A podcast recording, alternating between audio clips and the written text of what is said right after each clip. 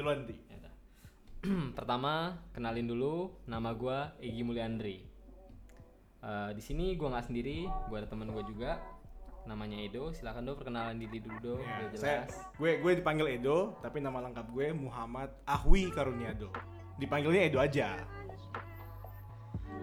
Di sini kita pertama bakalan jelasin kenapa kita bikin podcast ini. Nama kalau dari namanya, kalau ada yang nanya singkatannya nggak nggak usah nggak usah nggak usah ditanya, nggak ada manfaatnya sama sekali.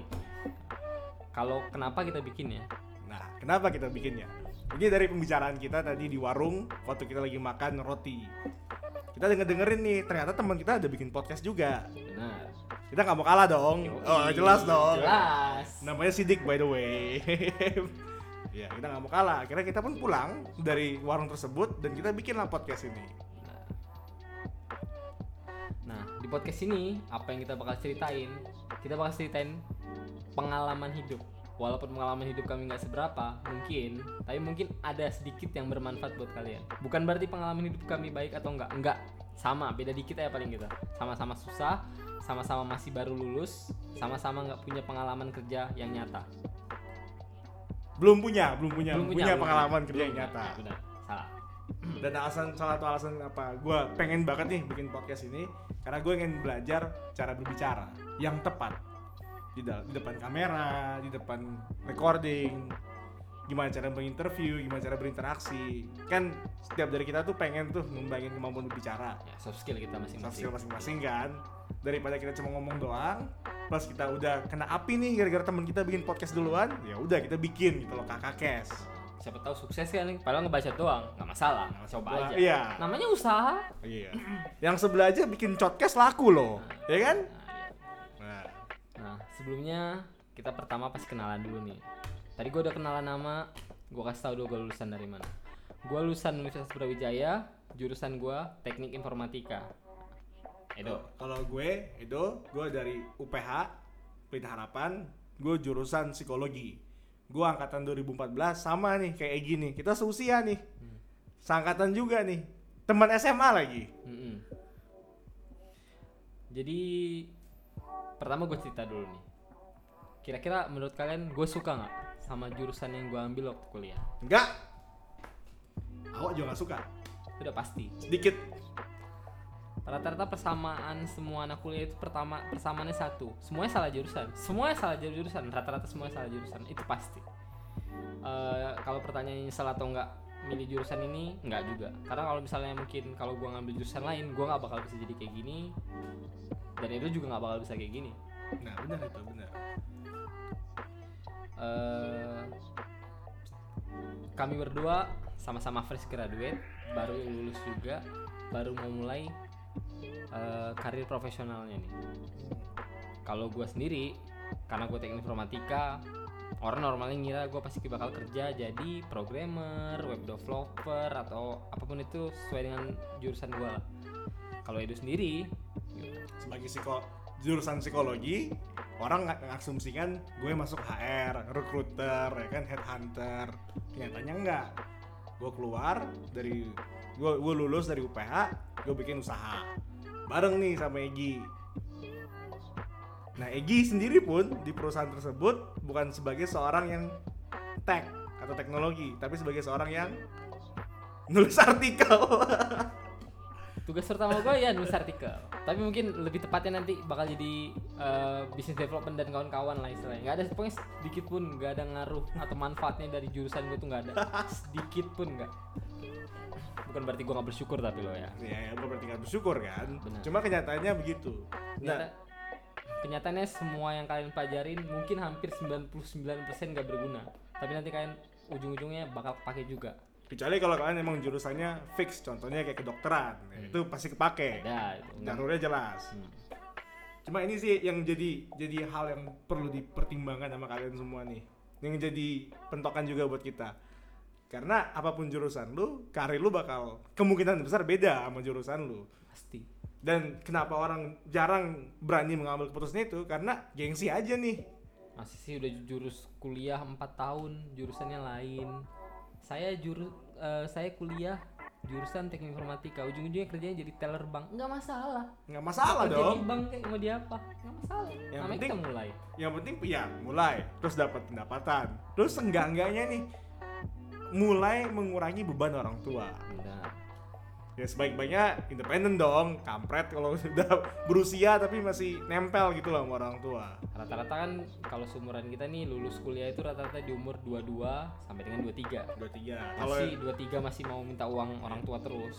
Ya gimana dong ya? Ada ada sih yang ekstrim kayak umur 25 26 baru ada lulus. jarang emang.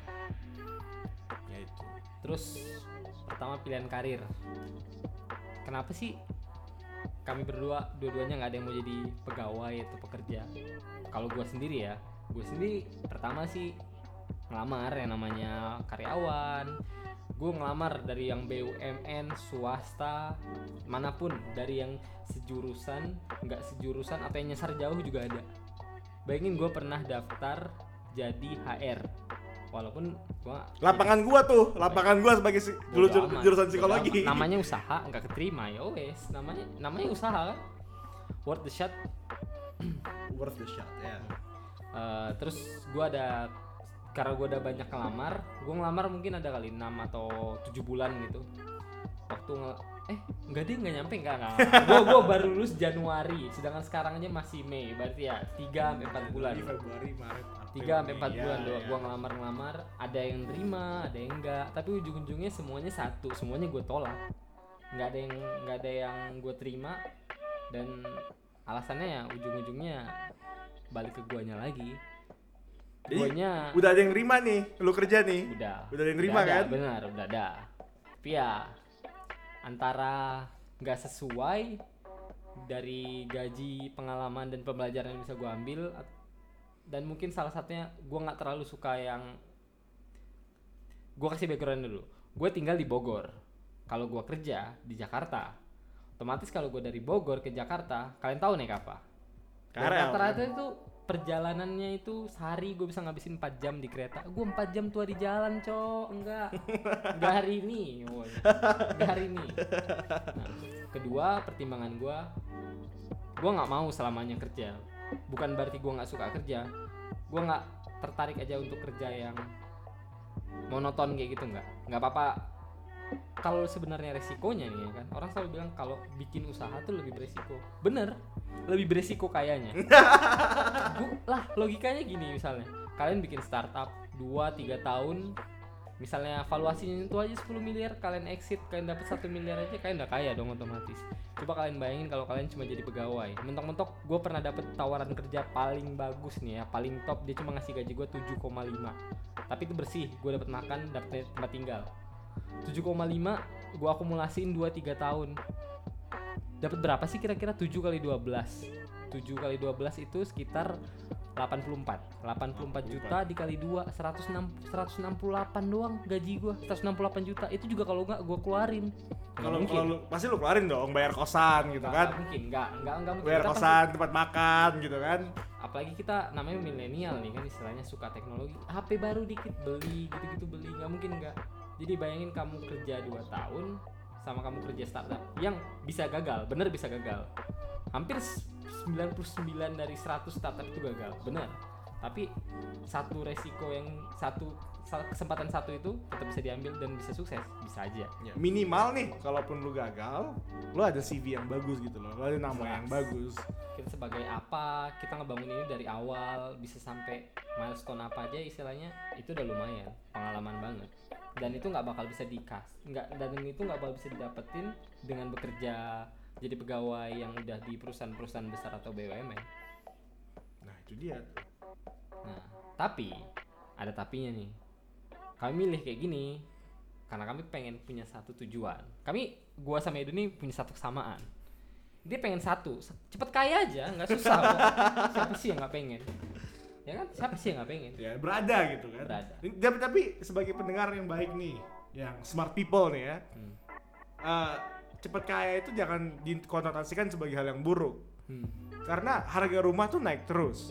Kalau resepsi pernikahan harganya naik terus Eh, biaya makan tuh naik terus ada yang namanya inflasi kan ada yang namanya kebutuhan yang bertambah apalagi kalau misalnya lu udah punya istri plus anak plus binatang piaraan, pajak bumi bangunan, pajak mobil kan. Kalau misalnya kalau kita nggak kaya nih, ya nggak seenggaknya cukup gitu loh. Nggak bakal bisa nutupin kebutuhan kita. benar Dan itu nggak munafik dong, karena sebagai pria nih, ya sebagai yang bakal menanggung jawab, kita pengen yang memberikan terbaik dong kepada keluarga kita, Keluarga. calon keluarga kita kan. Nah.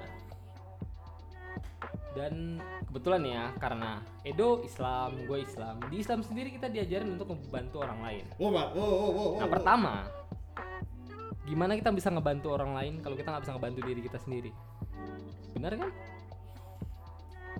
Kedua, gue pengen ini kami ceritain dulu. Gue sama Edo sebelumnya itu tahun 2017, 2000, na- 2007 2017 ya tepatnya. 2017 kami waktu kuliah sempet trading nih. Ya, main Nah, Bitcoin kan? Main Bitcoin. Jadi zamannya dulu Bitcoin tuh wah uang tuh gampang banget dapatnya. Nggak bohong, gampang banget. Gua waktu itu paling banyak gue megang lebih dari 3 Bitcoin dan harga satu Bitcoin 300 juta waktu itu. Berarti gua gua miliarder dulu.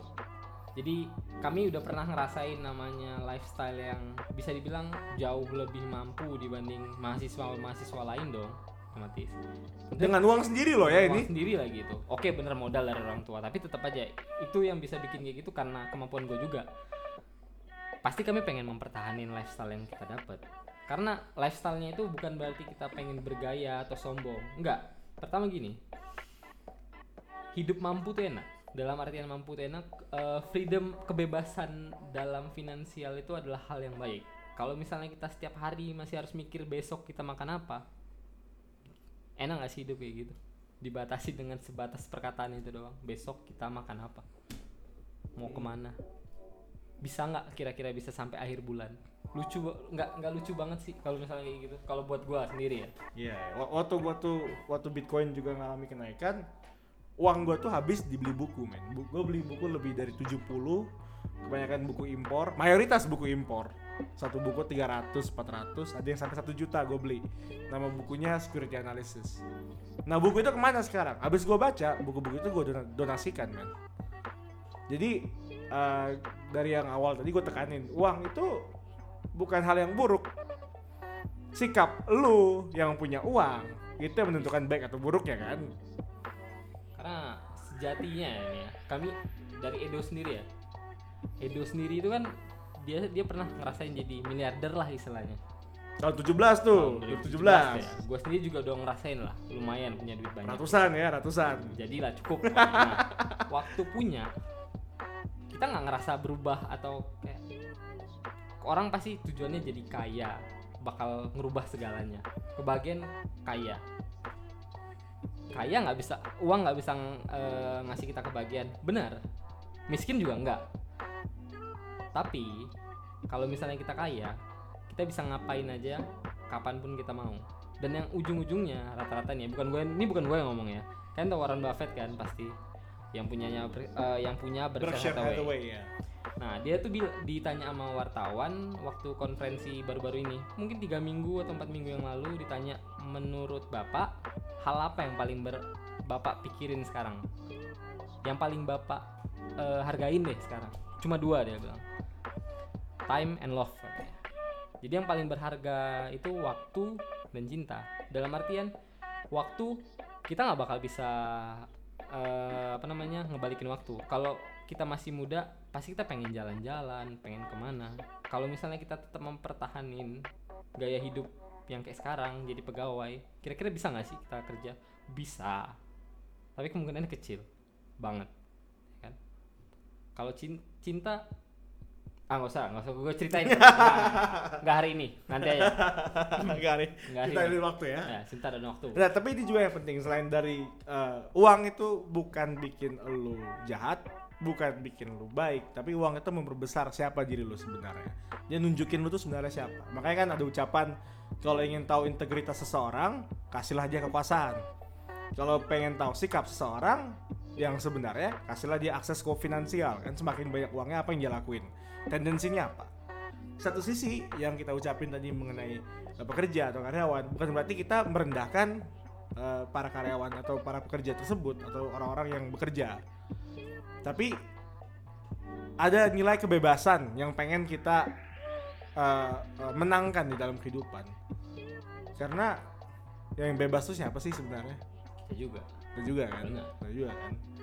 Ya makanya kalau kita pengen memiliki waktu pada saat kita mendapatkan pendapatan ya sisihkan sedikit buat investasi gitu loh. Kita udah ngerasain yang bitcoin bull run udah ada penghasilan di momen-momen itu. Cairin sedikit buat beli saham-saham seperti BRI reksadana asuransi jiwa. Ujung-ujungnya kan memang em, bisa lu bebas dengan buka usaha atau bisa lu bebas dengan sebagai pekerja. Tapi ujung-ujungnya manajemen lu dalam mengatur keuangan gimana dan tujuan akhirnya mau diapain uang tersebut kan? Jadi tujuan lu balik nih. Ya tujuan kalian masing-masing apa? Kalau kebetulan kalau kami ya pengen secepatnya mencapai financial freedom. Lagi. Lagi loh ya. Lagi. Lagi. lagi. Kalau misalnya kami pernah ny- capainya insya Allah yang kedua kali nggak susah deh misalnya. Ya insya Allah. Amin ya Allah amin. Btw kenapa kami nggak nggak terlalu financial freedom lagi? Kalian harus tahu waktu awal tahun 2018 bitcoin itu crash. Nggak semua cryptocurrency itu crash. Crash crash crash. Hilang juga duit kami di situ. Jadi ya, ya begitulah istilahnya. Dari dari paling parah tuh harga satu bitcoin kan 300 juta tuh turun sampai harga 40 49 atau 30. ya nggak salah ya. segitulah 4952 gitu bayangin aja lah pokoknya jadi portofolio kebetulan kami sendiri waktu itu masih agak-agak gimana ya nyebutnya agak terlalu arogan Naif, naif, naif. terlalu Naif, naif, terlalu iya. naif benar terlalu naif kita kita menilai bitcoin bakal naik gue terus ngerasa bitcoin nggak bakal turun lagi karena wah marketnya kuat eh, marketnya sendiri tertarik dengan teknologi bitcoin dan ternyata well nggak. Ujungnya semuanya ini ya tetap permainan. Iya iya dan benar. dan, dan gua, karena gue terlalu polos dan gue nggak narik duitnya dan inilah yang terjadi. Duit hilang. Sedih sedih. Sedih ya sedih. Tapi ya mau gimana lagi? Pelajarannya berharga. Mahal kan pelajarannya tuh. Coba tapi, tapi itu mantap banget men. Dari dari 300 juta tiba-tiba turun 200 terus turun langsung 100 ya kan? Langsung turun pokoknya semuanya itu. Langsung turun. Mimpi kami langsung turun juga itu. ya itu. Em, ya. ya paling untuk podcast kali ini kita berantakan. kita berantakan. Podcast pertama by the way. Podcast pertama by the way. Jadi ya sama kayak Gary V pertama kali wine library kan? Hmm. Hmm. jadi ya terima kasih Mau mendengarkan. mendengarkan. 18 menit. 18 menit yang sia-sia ini. Terima kasih ya, terima kasih ya. Dari gua sama Edo. Kakak kes